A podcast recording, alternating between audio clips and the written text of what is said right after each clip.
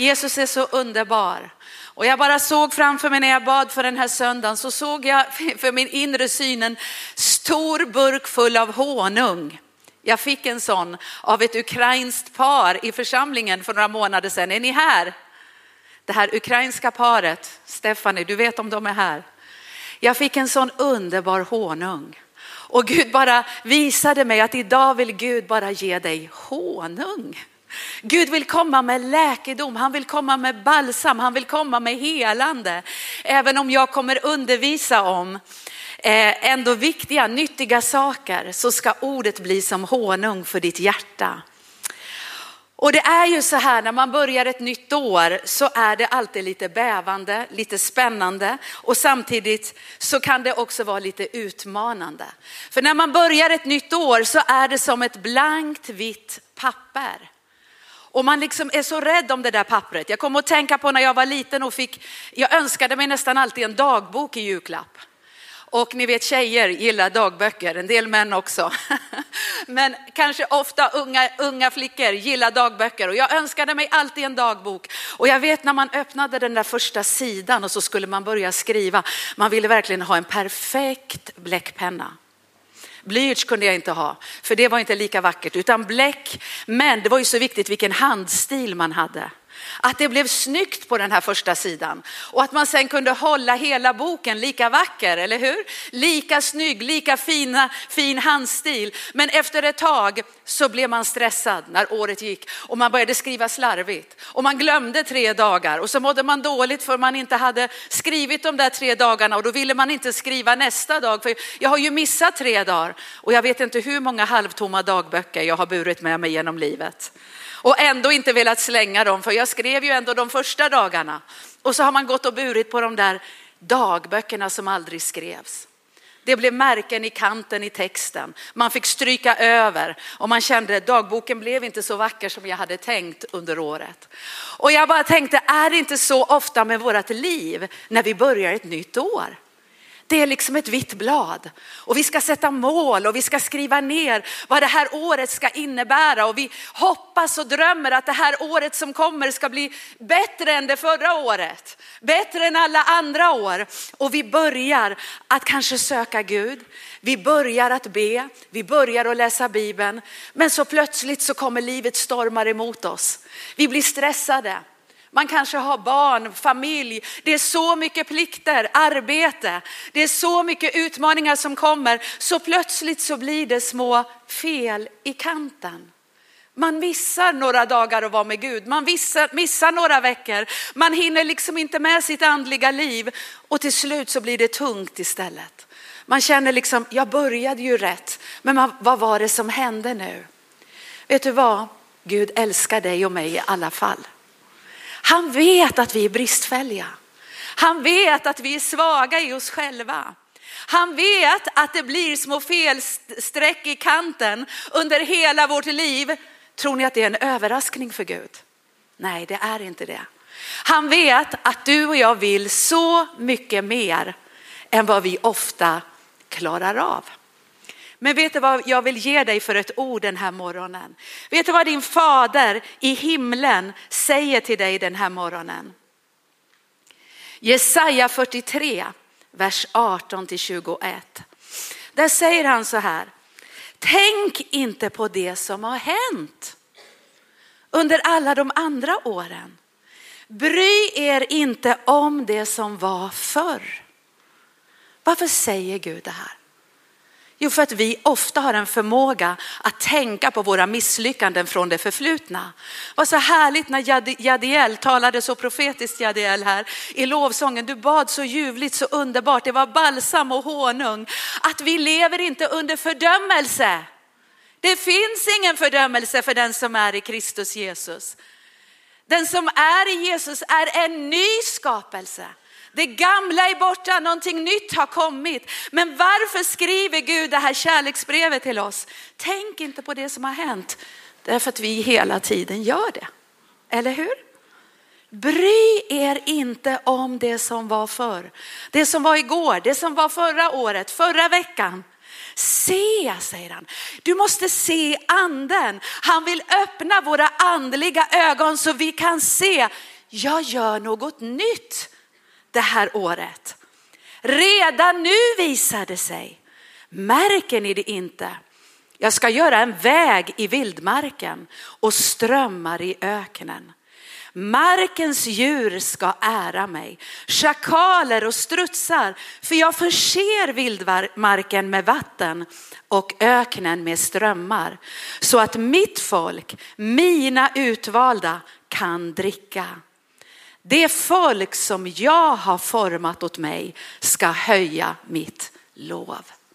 Ska leva i tillbedjan, ska leva i lovprisning. Vet du vad? Den platsen beskyddar oss från att känna skam, skuld, mindervärdighet. Den platsen att leva i tillbedjan, att lova och ära honom, den beskyddar oss från att vända blicken bakåt och se på gamla misslyckanden. Han säger det, jag ska göra en väg i vildmarken. Kanske har du kommit hit idag och du säger, mitt liv är en vildmark. Alltså jag har så mycket problem i mitt liv. Jag har, det finns synd i mitt liv. Det finns så mycket problem, så mycket utmaningar i mitt liv. Men vet du vad han säger till dig idag? Jag ska göra en väg i vildmarken. Jag ska göra strömmar i öknen. Om du är i en andlig öknen, det är torka. Du, du, du kan nästan inte be längre. Vet du vad, jag ska göra strömmar i öknen. Den helige ande ska börja flöda ur ditt innersta det här året. Så om vi väljer att se oss tillbaka, för vi har ju ett val, men om vi gör det så måste jag varna dig, för så länge vi ser oss tillbaka och processar det som har hänt förut och håller på och kontemplerar och processar och kontemplerar och processar det som har varit så är vi oförmögna att röra oss framåt. Tänk på Lots fru när Gud kom och räddade dem eh, eh, från, från Sodom och, och änglarna sa se er inte tillbaka. Lot sprang, döttrarna sprang, de flydde för sina liv. Men Lots fru valde att vända sig om och se tillbaka. Hon blev en saltstod. Jesus säger, kom ihåg Lots fru. Tänk på Lots fru, säger han. Remember Lots wife, står det i engelskan. Kom ihåg Lots fru. Gör inte det misstaget som hon gjorde. Se er inte tillbaka. Så Gud uppmanar oss här att inte tänka på det som har varit, för det blir ett hinder på vår väg. Ja, men vad ska jag göra med all min smärta? Vad ska jag göra med all min sorg? Vad ska jag göra det som jag inte kan sluta processa? Jo, det folk som jag har format, de ska höja mitt lov.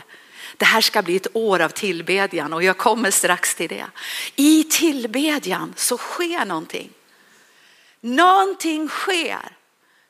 För det första när vi har en sann tillbedjan så upphöjer vi Gud och bygger en tron åt honom. Men det underbara är att någonting sker också på insidan av oss.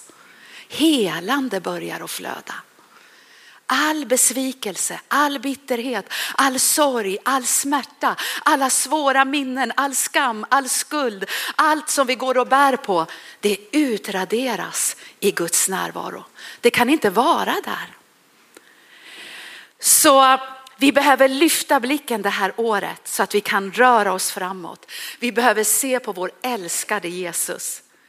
Vi behöver ta emot hans kärleksfulla nåd. Jag är så glad att lovsångarna idag sjöng om hans nåd. Jadiel sa Guds nåd är ny för oss den här morgonen. Hans nåd är ny för mig att få stå här idag. Hans nåd är ny för dig. Du kan se Jesus frimodigt in i ögonen på grund av hans blod. Du kan se dina syskon i församlingen frimodigt in i ögonen genom Jesu blod.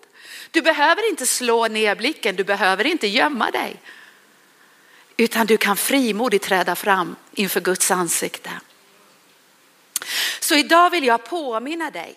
För det här året så har vi sagt att vi ska ta in arken i våran familj. Vad symboliserar arken? Det symboliserar Guds närvaro. Och det är mer än en fin predikan. Det finns så mycket bra predikningar, det finns så mycket bra predikanter, men vet du vad? Det är vi som måste bli predikan.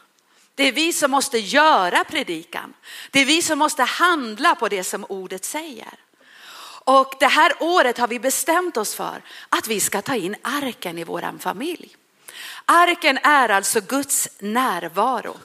Vi vet de här föremålen som fanns i gamla testamentet, som fanns under ökenvandringen. Föremålen som låg i den här förbundsarken som var klädd i guld. Lennart undervisade om den förra söndagen. Men i, i gamla förbundet så fanns Guds närvaro i den här förbundsarken. Men nu, var finns Guds närvaro nu? Den finns inom dig och mig. Men vi måste förlösa Guds närvaro genom de här fyra nycklarna som jag vill ge till dig idag. Det här är inte bara liksom fyra snygga nycklar, utan vad har man nycklar till? Att låsa upp någonting. Och om du använder de här fyra nycklarna det här året så kan jag garantera dig och lova dig med Guds ord som grund att du kommer ta in arken i din familj och i ditt hem. Man behöver inte ha familj för att ta in arken, utan du kan vara ensam. Du kan vara en kvinna som är ensam som tar in arken i ditt hem. En man som bor ensam i en lägenhet, en ung pojke som bor i en lägenhet själv. Du tar in arken i ditt hem så att människor som kommer hem till dig får möta Jesus. Den första nyckeln som jag vill ge till dig, det har du aldrig hört förut. Var en tillbedjare 2023. En tillbedjare. Johannes 4, 23 och 24 säger, men det kommer en tid och den är redan här. När sanna tillbedjare, kan du säga sanna tillbedjare? När sanna tillbedjare ska tillbe Fadern i ande och sanning. Kan du säga ande och sanning? Sådana tillbedjare vill Gud ha, Fadern ha. Gud är ande och de som tillber honom måste tillbe i ande och sanning. Amen. Det här är från Johannes 4, vers 23 till 24. Och det är Jesus som undervisar den här samaritiska kvinnan som kommer till brunnen och Jesus ber henne om vatten. Han har vandrat länge, han är trött av sin vandring. Han ber henne om lite vatten och hon blir alldeles förskräckt. För det här var en kvinna som bar på skam. Hon kom vid lunchtid och hämtade vatten medan kvinnorna på Bibelns tid hämtade vatten tidigt på morgonen. Man gick aldrig klockan 12 på dagen när solen var som hetast och hämtade vatten. Hon måste ha gått dit för att hon bar på skam och skuld. För när hon börjar samtala med Jesus, blir förskräckt över att han som en judisk man talar till henne som är en samaritisk kvinna, så, så börjar Jesus eh, tala om vem han är för henne. Han börjar uppenbara vem han är, att han är Messias. Då kommer det fram att den här kvinnan, hon hade haft fem män Fem kärleksrelationer. Fem män, fem älskare och den hon hade nu var inte hennes man. Hon kunde känna sig lite skamfylld. Så på en gång, för att kanske släta över det lite grann, så börjar hon tala ett religiöst språk. Om hur tillbedjan är. Utifrån hennes religiösa uppväxt och tro. Och hon börjar tala om att var man ska be, att man ska be på ett speciellt berg. Och, och liksom, hon börjar tala om formler. Som en form för tillbedjan. Och då svarar Jesus henne. För Jesus förstår ju varför har hon haft fem kärleksrelationer. Hon har inte mött hans kärlek. Hon har inte förstått vem han är.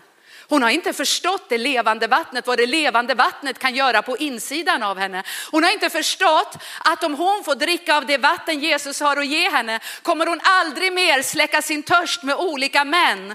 Jesus kommer fylla varje behov, hela henne och hon kommer få en värdighet och en heder som kvinna. Så vad säger Jesus? Han säger, det kommer en tid kvinna, säger han, den är redan här när sanna tillbedjare ska tillbe Fadern i ande och sanning.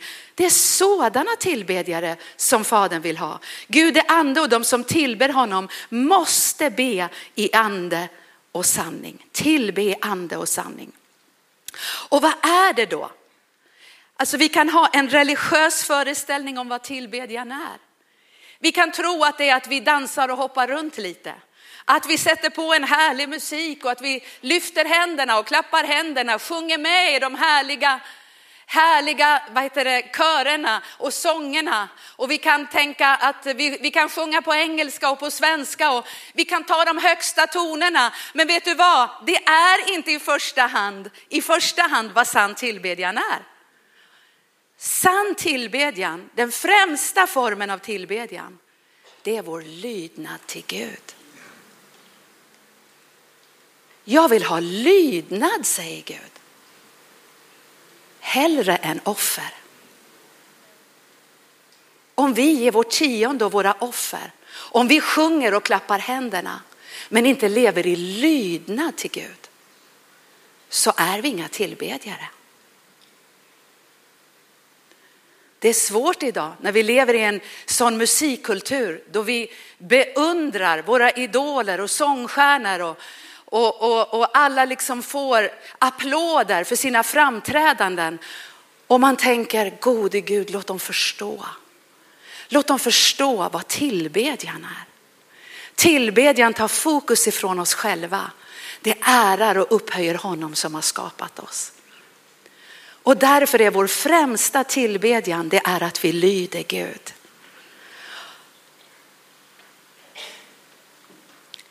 En ärlig och riktig tillbedjan kommer från vår ande, vårt andliga hjärta. En ärlig tillbedjan kan vi ha här i församlingen som vi har haft idag, en sån underbar, ärlig tillbedjan i ande och sanning här idag. Men vi kan också ha den i våra hem och vi bör ha den i våra hem. Vi kan ha den när vi går på stan så kan vi gå och sjunga inom oss. Vi kan gå och prisa Gud inom oss. Vi kan ha det när vi lägger i, ligger i vår säng på natten. Jag vet när man vaknar på nätterna så bara känner jag min ande bara ropa Jesus, Jesus, Jesus, Jesus, Jesus, Jesus. Vi kan tillbe honom när vi rör oss i vår vardag. Men det viktigaste är att en äkta sann tillbedjan kommer ifrån vår ande, från vårt andliga hjärta. Och att det är en uppriktig kärlek vi ger till Gud, till vår älskade fader i himlen. Att vi glömmer oss själva och bara tillber Gud för att han är Gud. Den högsta formen för tillbedjan och den, de högsta tonerna och den vackraste rösten är inte det viktigaste. Man kan sjunga falskt men ändå tillbe Gud. Spelar ingen roll om du säger, jag, jag brukar inte sjunga med i lovsången för att folk blir rädda när jag sjunger. Sjung ändå. Det är vackert, det är vackert, det är underbart för det kommer från ditt hjärta. Maria som var syster till Lazarus. Jag vill säga det att tillbe Gud, det är att ge Gud fokuserad uppmärksamhet från djupet av vårt hjärta. Maria som var syster till Lazarus, hon tog det dyrbaraste hon hade i sitt hem för att tillbe Jesus innan han gick till korset. Det var den dyrbaraste parfymen man kunde köpa för pengar. Den var värd en hel årslön. Och hon tog den här dyrbara parfymen och hällde den över Jesus. Hon grät över honom, smorde hans fötter. Och jag tänker på Jesus när han hängde på korset. Var det den dyrbara parfymen som var det viktigaste? Nej, den dyrbara parfymen var ett uttryck för den kärleken och den tillbedjan hon hade i sitt hjärta. Någon kanske säger så här, jag har inte råd med så mycket, jag skulle aldrig ha råd med en sån parfym. Vet du vad, det var inte parfymen i sig som rörde vid Jesus, det var hennes hjärtas tillbedjan. Hennes hjärtas fokuserade uppmärksamhet. Och därför var den här dyrbara oljan ett uttryck för den kärleken som hon hade till Jesus. Och jag tänker på Jesus när han hängde torterad på korset, slagen, misshandlad, blodig i sitt ansikte, 39 fåror på sin rygg av, av blod och händer, fötter fastspikade. Kanske tänker jag när Jesus hängde där i sin ångest, i sin smärta, att han kände ändå igen doften från den här oljan hon hade smort honom med. Kanske gav det Jesus, det är bara jag som, som spekulerar, men kanske kände Jesus tröst från ett hjärta som älskade honom hängivet, totalt, fokuserat, uppmärksamt. Kanske tänkte han på den kärleken, den tillbedjan Maria hade gett honom. Kanske blev det en tröst för Jesus. Jag vill tro det, jag tror det. Jag tror inte det var en slump att hon hällde den oljan över honom. Vet du vad sann tillbedjan rör vid Guds hjärta? Sann tillbedjan rör vid Jesu hjärta. Så låt oss bli tillbedjare det här året. Det är en nyckel till att ta in arken i vårat hem. Det är genom att tillbe Gud som vi vördar honom. Kung Salomo säger i Ordspråksboken att vörda Gud, alltså att frukta Gud, att ha respekt för Gud. Vad är det? Vad är det att ha respekt för Gud? Det är början till vishet. Vad behöver vi som Guds folk idag i den här tiden vi lever i med alla de strömningar som råder, alla de åsikter som råder, alla de nyheter som basuneras ut, allt som vi ställs inför i vår vardag där vi liksom måste välja den svag, svag, smala vägen istället för den breda. Vi behöver Guds vishet. Vishet, den som har ett vist hjärta vinner människor, vinner människors förtroende och det börjar med att vi blir tillbedjare som vördar och fruktar Gud. Vördnad och Guds fruktnad, det öppnar upp våra hjärtan att förstå vem Gud är och vad han säger till oss i sitt ord. Det ger oss en förmåga att förstå vem han är och förstå hans planer med våra liv. Och det ger oss kraft att erövra de planerna. Så är det något vi behöver just nu så är det vishet. Gudomlig vishet. Vi behöver vishet att förstå vår tid. Du och jag behöver vishet att förstå hur vi ska prioritera vår tid och våra liv 2023. För den här tidsåldern går mot sitt slut. Alla tecken pekar på att Jesus kommer snart tillbaka. Precis som regnet kom när Noa byggde arken så kommer Jesus komma tillbaka. Jag hörde en lovsång igår där sångaren sjöng att vi ska, vi ska bara välkomna året med glädje. För det är inte fruktan som, som kommer att vara slutet på våra liv. Det är inte död som kommer vara slutet på våra liv. Det är inte krig som kommer vara slutet på våra liv. Det är Jesus som kommer vara slutet på våra liv. Vi har inget att frukta. Så därför behöver vi gudomlig vishet hur vi ska planera våra dagar om du börjar med en almanacka i början av året, planera in Jesus i din almanacka. Vi behöver vishet för att fostra våra barn i en otroligt utmanande tid med allt som nätet erbjuder våra barn, allt som samhället pumpar i våra barn, som de normaliserar, det som är onormalt i Guds ögon. Vi behöver vishet. Vi behöver vishet att resa upp våra familjer. Vi behöver vishet för att våra hem ska vara en plats där det inte är kiv, bråk, gnäll, klagan, utan en plats där Guds härlighet bor. Vishet är att ha en öppen famn för människor som inte känner Jesus. Vi behöver vishet hur vi ska förvalta våra pengar, vår ekonomi, alla våra relationer, hur vi ska tänka, be och agera. Så låt oss därför fatta ett beslut att det här året 2023 ska jag använda nyckeln för den här visheten. Jag ska använda nyckeln för att Guds närvaro ska komma och bo i mitt hem genom att bli, bli en tillbedjare. Kan du säga år 2023 är ett år av tillbedjan. Jag är en tillbedjare.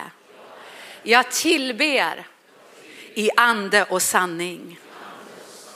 Det är underbart att vara i Guds närvaro. Amen.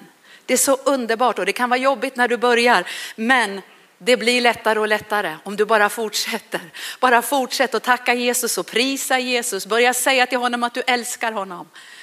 Och du kommer känna hur det bara bryter igenom och sen vill man inte lämna den platsen. Den andra nyckeln som jag vill ge dig är att vi behöver meditera på ordet 2023. Det var en nyhet, eller hur? Det har du aldrig hört förut Martin. Du ser så glad ut Martin som att det var första gången du hörde det. Men du har predikat om det tusen gånger själv. Men vet du vad, det är så underbart om vi verkligen skulle göra det vi har hört i tusen år. Va? Det skulle vara så underbart om vi verkligen började göra det ordet säger. Meditera på ordet. Gud är så god. Han är kärlek. Han är din och min älskade fader i himlen. Han har offrat allt för dig och mig. Han är engagerad i varje liten detalj av våra liv. Jag fick bröstcancer förra julen Och på min födelsedag, min 60-årsdag, jag säger 16-årsdag, men så skulle jag gå på återbesök efter ett år. Och det var en, en ganska omfattande undersökning. Men vet du vad? Varför, varför fick jag gå på återbesök på min födelsedag? Jo, för Gud, han visade mig beviset på att jag var frisk, att jag var helad. Amen. Vet du vad, Gud är god. Gud är god, han är god, han är god, han är god. Att jag av alla tusentals människor fick komma just på min födelsedag, var det en slump? Nej, Gud är god. Min pappa är god, han vill ge mig en present, han älskar mig, han älskar dig. Så att läsa Bibeln är inte en religiös plikt. Det är ett kärleksbrev till oss. Och därför så är det härligt att meditera på Guds ord. Han är engagerad i varenda liten detalj av vårt liv. Och det här ordet är fyllt av kärlek. Och hans hjärta brinner för att alla ska med till himlen. Jag vaknade på fredagnatten, mitt i natten så hör jag de här orden.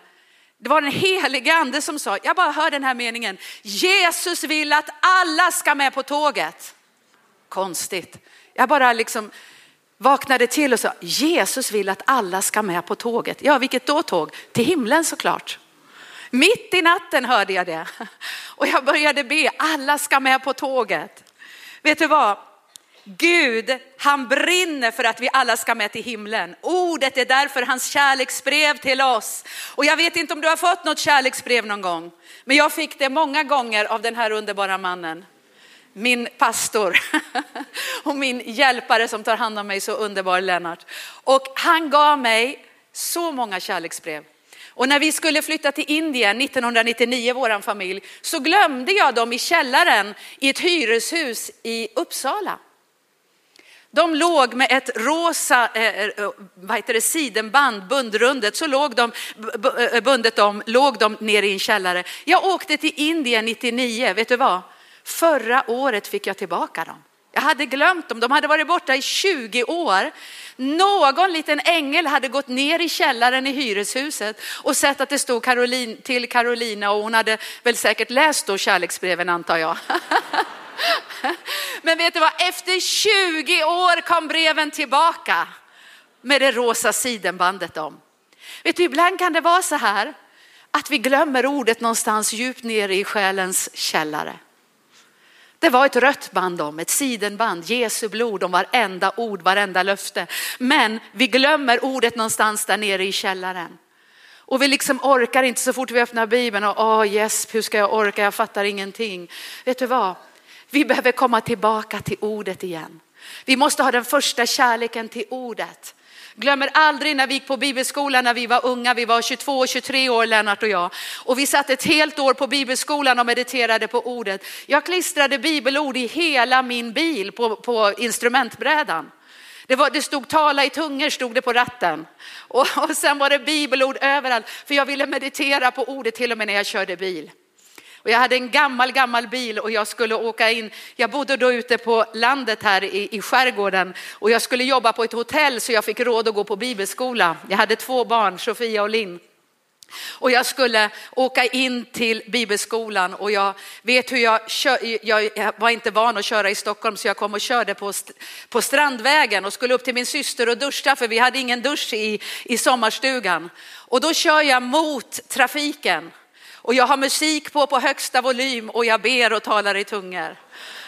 Och dessutom hade jag pyjamas på mig för jag skulle ju duscha hos syrran. Och vet du vad, polisen stoppade mig. Och så, du kör ju emot hela trafiken på fel sida. Och så tittade han in och så såg han alla bibelorden och så hörde han lovsången på högsta volym och så satt jag i pyjamas. Och jag sa, oh no, this is a nightmare. Och han sa, du kör på fel sida. Jag sa, förlåt, förlåt, förlåt. Han sa, du kanske ska snacka med Gud om att han hjälper dig att hitta kartan. Han bara dunkade på biltaket och sa, sväng om, nästa gång får du böter, sa han. Och jag bara, tack Jesus, du är med mig för jag mediterar på ordet. Alltså, det finns gränser för vad, man, eh, vad som är vist och klokt och jag lärde mig någonting där. Men Guds ord är underbart att meditera på och Gud vill att vi ska meditera på ordet varje morgon. För, varför? För vi ska inte glömma hur mycket Gud älskar oss. Vi ska inte glömma att ordet är källan av helande, av läkedom för varje sår, varje minne, varje utmaning vi har gått igenom i vårt liv. Allting finns i ordet. Det är liv och läkedom för vår ande, själ och kropp. Så vad står det i hans kärleksbrev om att använda den här nyckeln? Jo, i psalm 1, vers 1-3 står det. Salig är den som inte följer de gudlösas råd, som inte går på syndares väg och sitter bland föraktare, utan har sin glädje i Herrens undervisning och begrundar, mediterar, står det i engelska bibeln, på hans ord både dag och natt. Han eller hon är som ett träd planterat vid vattenbäckar som bär sin frukt i rätt tid och vars löv inte vissnar. Och allt vad han eller hon gör, det lyckas väl. Inte bara en del av det du och jag gör lyckas väl. Allt som vi gör lyckas väl. Allt, varenda liten sockerkaka du bakar, du lyckas väl. Hur du ska krydda ditt kött, du lyckas väl. Hur du ska komma in på den utbildningen, du lyckas väl. Hur du ska få det där arbetet som 500 personer söker. Om det är Gud som vill att du ska ha det arbetet finns det ingenting som kan stoppa dig från att få det arbetet. Allt vad du gör lyckas väl. Du säger jag har problem med mina relationer just nu. Börja deklarera. Allt vad jag gör det lyckas väl. Allt vad jag gör det lyckas väl. Gud kommer vända på allt. Det kanske tar en liten tid nu, jag ser ingen förändring förändring, men allt jag gör kommer att lyckas väl. Amen, för vi mediterar på ordet dag och natt. Och vi behöver göra det här för att ta in arken i våran familj så behöver ordet bli den högsta auktoriteten i våra familjer. Ordet måste ha en central plats i våra äktenskap.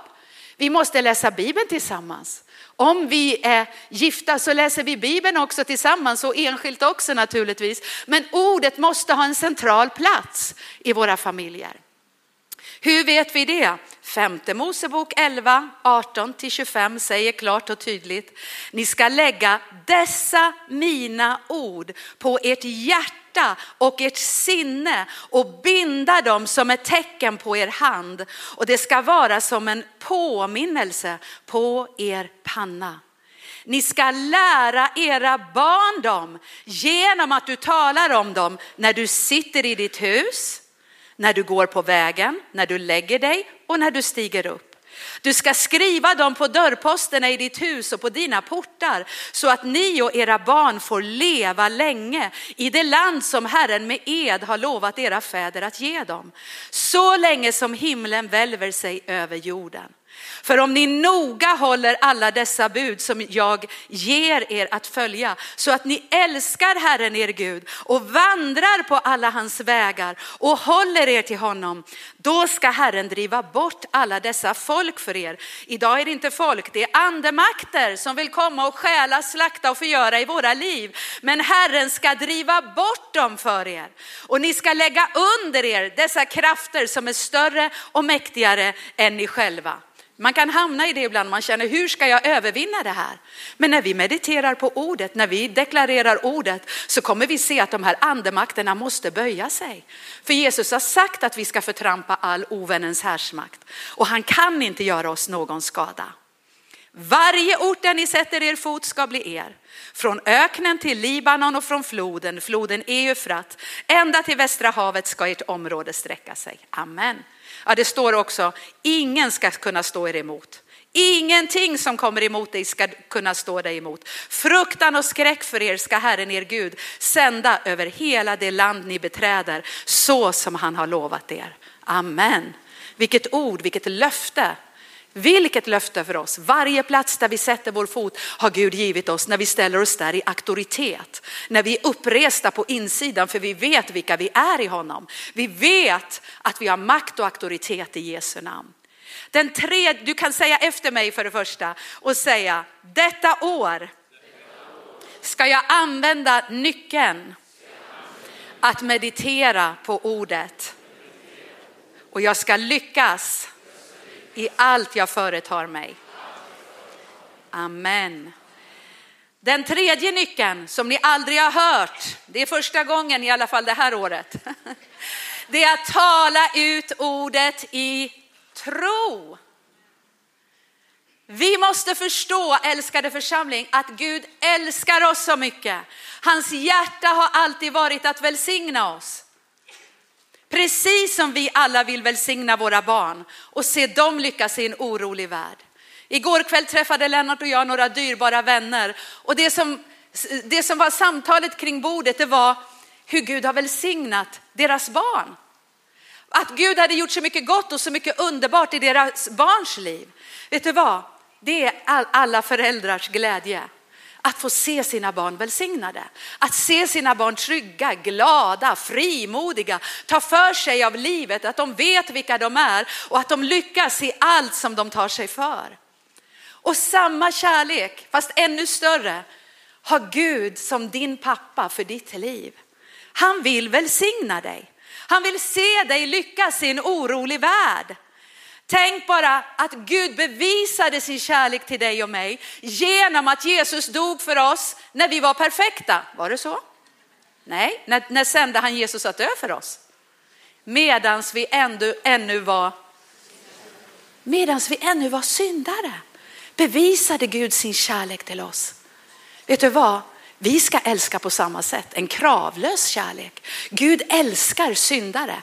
Han älskar de personerna som du ser på tv och tänker, hur kan de leva så där? Eller hur kan min granne leva så där? Jesus älskar dem.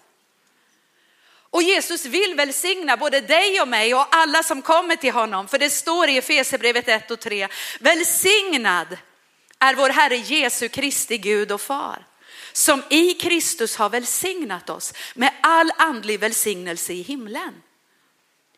Han älskar oss och han har betalat priset med sitt eget dyra blod för att vi ska få helande.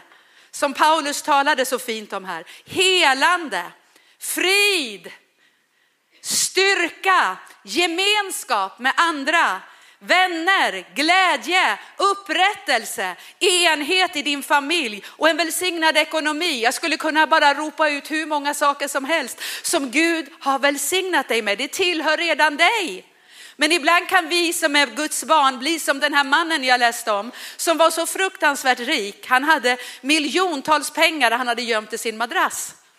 Och han bodde i ett lite trasigt hus och hade trasiga kläder och allt var smutsigt i huset. Men när man hittade honom eh, död på sängen, för han var gammal, så upptäckte man att hela madrassen var full med pengar. Men han hade inte använt dem under sin livstid. Han hade inte liksom insett hur välsignad han var. Istället hade han liksom sparat och sparat och sparat i fruktan och så hade han levt som en tiggare och alla trodde han var den fattigaste mannen i stan. Ibland är vi så också. Vi, vi, vi går och är rädda, vi går och är oroliga, vi, vi, vi går liksom och, och säger massor med negativa saker om oss själva och oroar oss för vår framtid. Men det står ju, vi är ju redan välsignade. Du har ju hela madrassen full av pengar, säg det till din granne.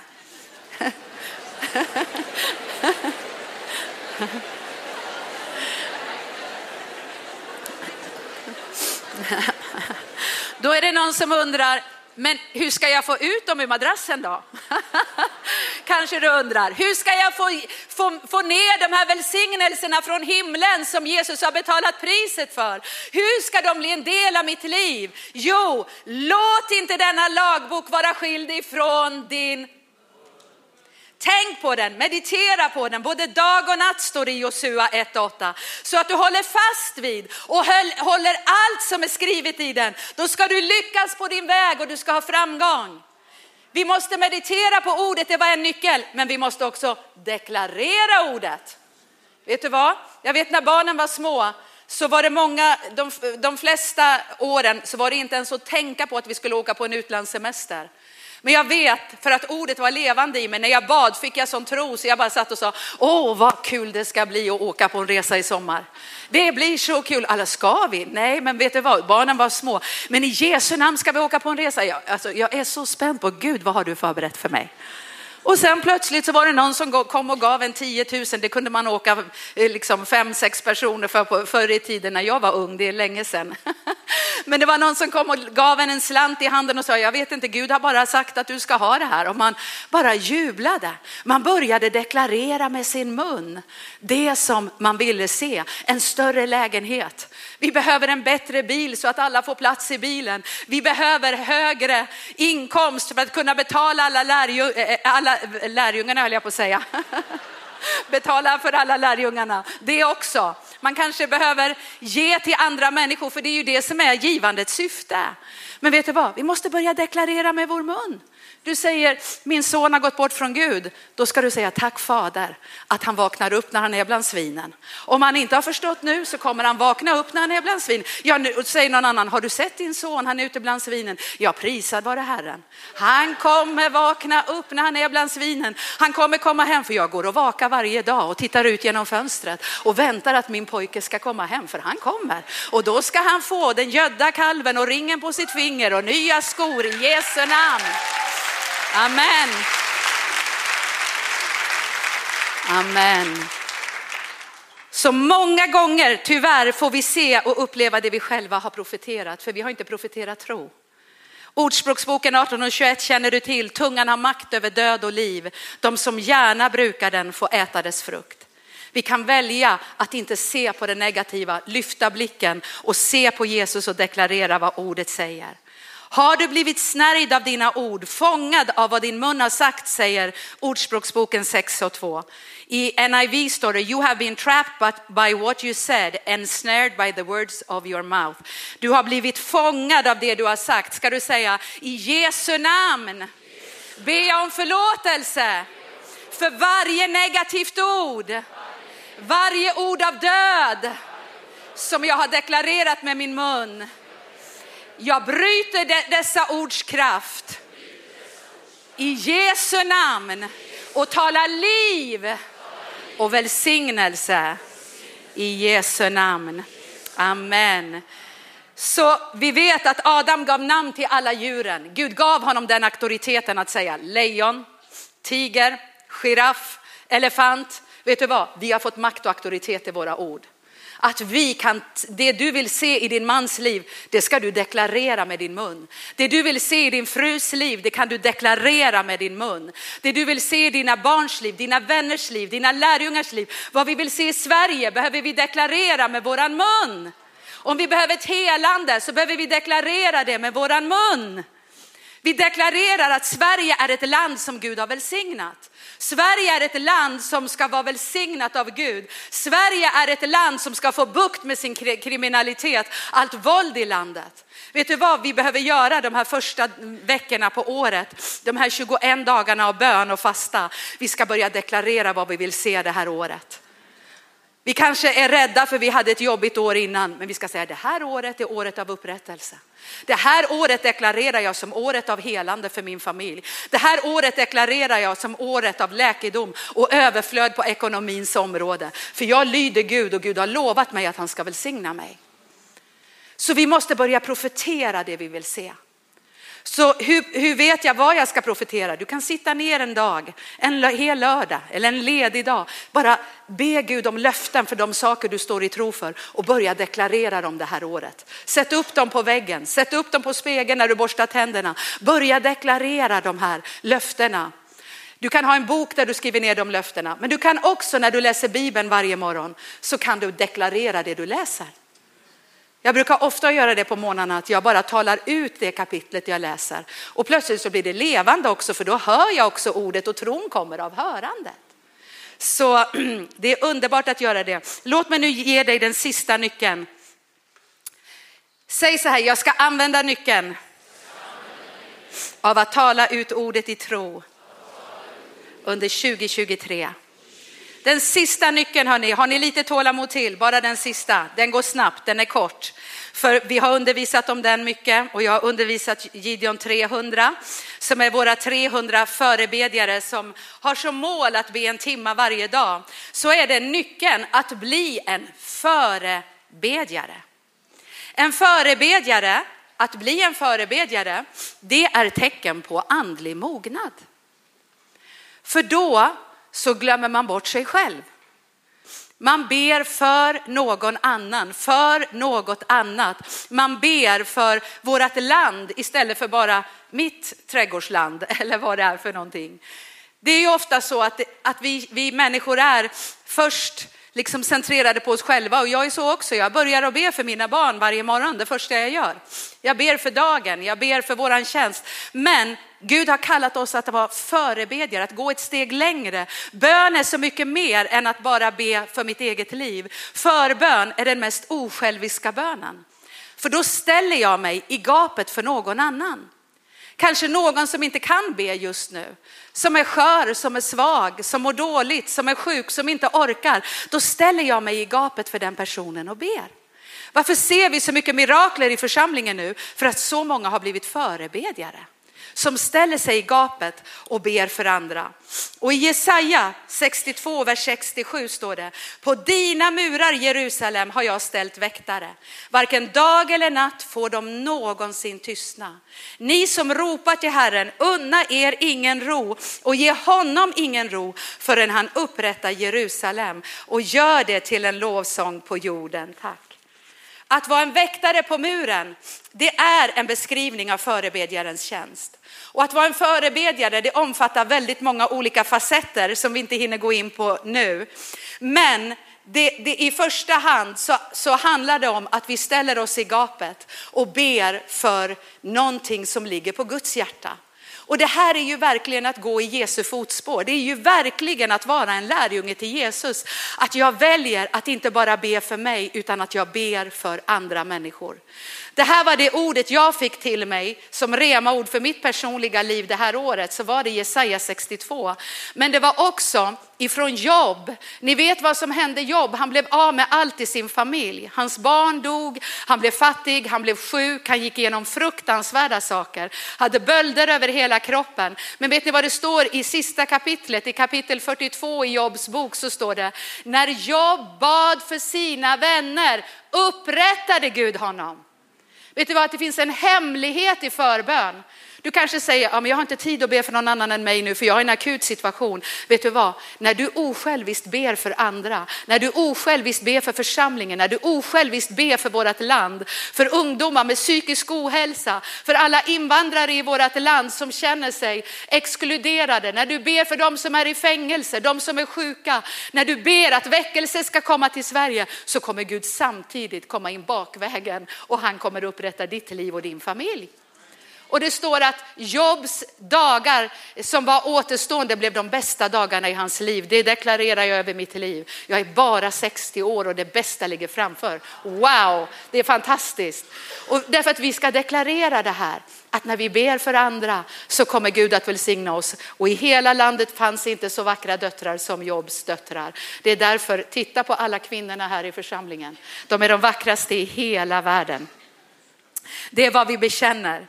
Så det här året så behöver vi mer än någonsin älskade församling.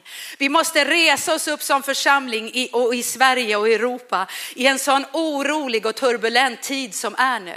Så vi kan inte ta lätt på den här sista nyckeln, utan i våra hem, när vi tar in arken i vårat hem, så måste också våra hem bli house of prayers.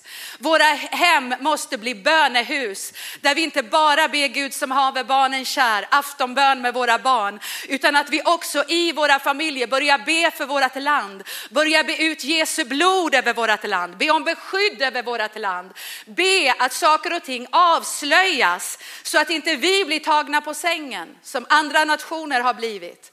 Och att inte vi heller vänjer oss vid olycka, vid terror, vid en, en, så mycket död och så mycket brottslighet som råder i vårt land nu. Vi måste gå in i förbön och vi måste förlösa liv där det finns död.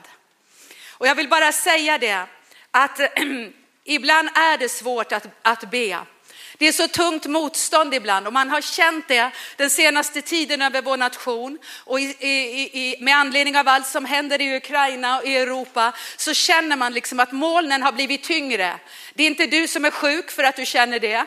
Det är inte du som har fått en konstig sjukdom eller att du plötsligt har blivit så trött. Jag tror att vi som Guds församling i huvudstaden måste förstå den andliga kamp som råder i mörkret.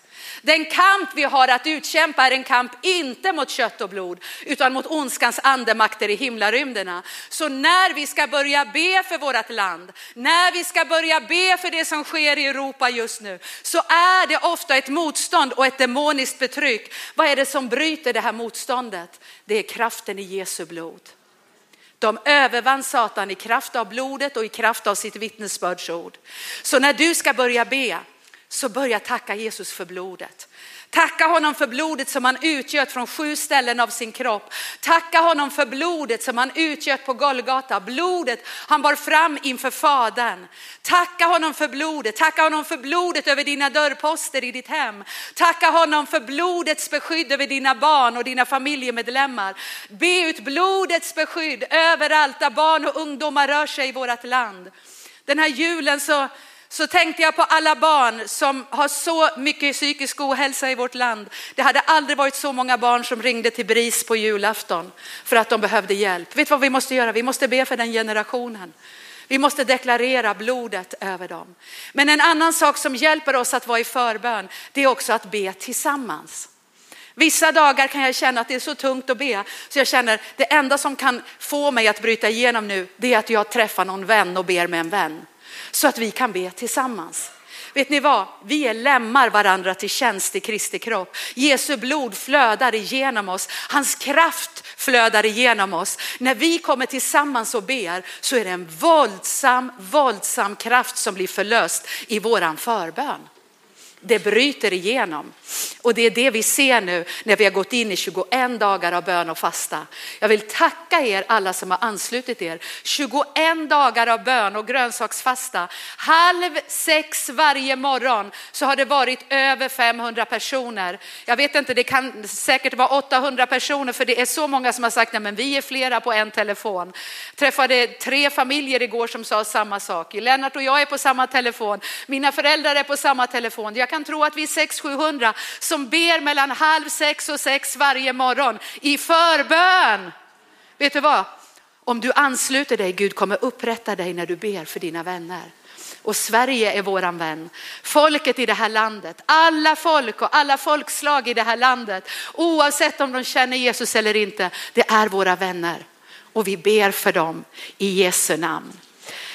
Så varsågoda mina älskade vänner att bara stå upp så ska vi bara deklarera också tillsammans att detta år 2023 är jag en förebedjare för mina vänner. Amen. Du kan också säga efter mig det ordet vi har fått. Jag har tagit in arken i mitt liv, i mitt hem, i min familj och Herren välsignar hela mitt hus, hela min familj, hela min släkt. I Jesu namn. Tror du det? Amen. Låt oss bara lyfta våra händer.